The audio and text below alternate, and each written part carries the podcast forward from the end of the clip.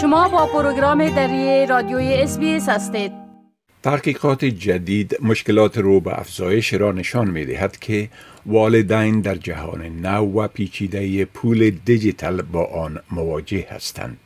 طبق این تحقیق سه چهارم یا 72 فیصد والدین به خاطر اثراتی که بازی های کمپیوتری یا آنلاین بر نگرش فرزندانشان در مورد پول دارد نگران هستند. با وجود این تحقیقات نشان می دهد که تقریبا 48 فیصد والدین به طور فعال از بحث و گفتگو با فرزندانشان در مورد موضوعات مالی اجتناب می کنند و از هر دو نفر یک نفر والدین تصدیق می کند که فرزندانشان بدون این که بدانند پولشان را خرج می کنند. آنها 37 فیصد پول را بر بازی های کمپیوتری و 33 فیصد را بر خریدهای داخل اپ های کمپیوتری مصرف می کنند. یک اپ معلوماتی جدید به نام کیت به منظور کمک با اطفال در مورد آموختن روش خوب در ارتباط با پول به حمایت کامنولت بانک ایجاد شده است. یش کاش مدیر عامل این اپ است.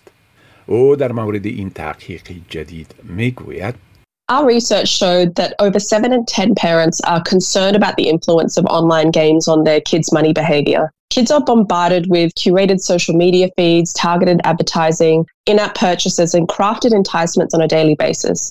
But what we found that's even more worrying is that almost half of parents are actively avoiding discussing money with their children despite these concerns.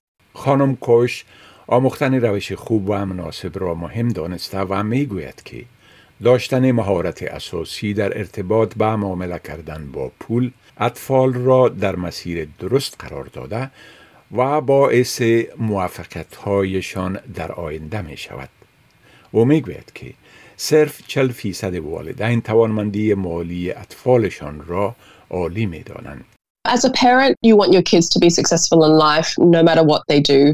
money isn't everything, but having basic money skills is really important to setting kids on the right track and helping them achieve their goals. Our research showed that only 14% of parents rate their kids' financial capability as excellent. So there is lots of work to do. با گفته خانم کوش تحقیقات نشان می دهد که اطفال قبلا به امور مالی و کمایی کردن پول علاقمند هستند.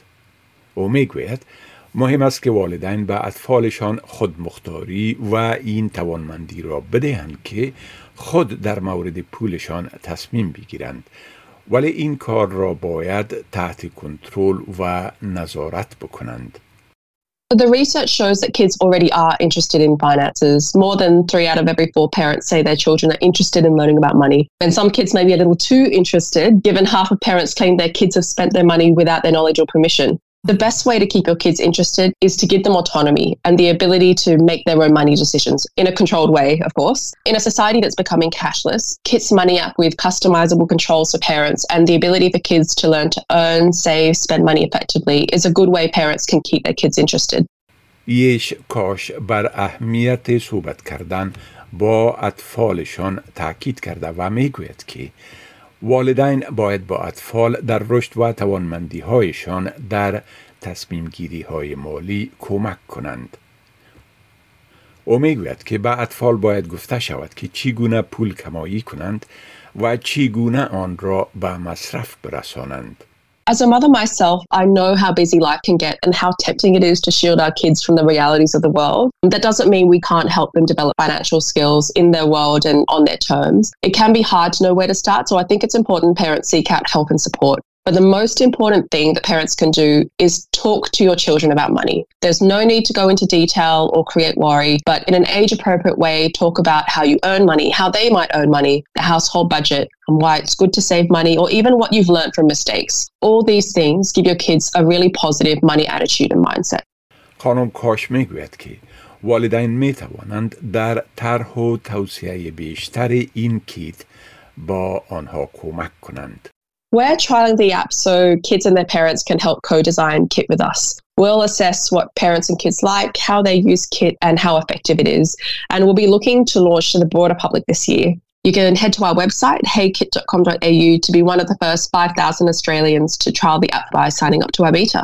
یک تحقیق دیگری که اخیرا در ایالات متحده امریکا انجام شده نشان می دهد که صرف 16 فیصد نوجوانان دانش مالی دارند و نتیجه گیری می کند که این وظیفه والدین است که به فرزندانشان در مورد امور مالی و ارزش پول آموزش بدهند.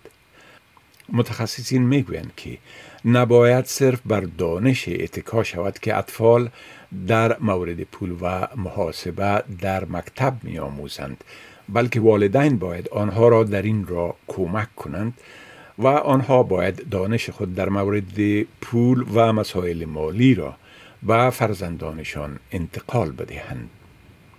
برای معلومات بیشتر درباره اینکه چگونه می توانید اطفالتان را در مورد پول و مسائل مالی تعلیم بدهید می توانید به وبسایت moneysmart.gov مراجعه کنید. می خواهید این گناه گزارش ها را بیشتر بشنوید؟ با این گزارشات از طریق Apple Podcast، Google Podcast، Spotify و یا هر جایی که پادکاستتان را می گیرید گوش دهید.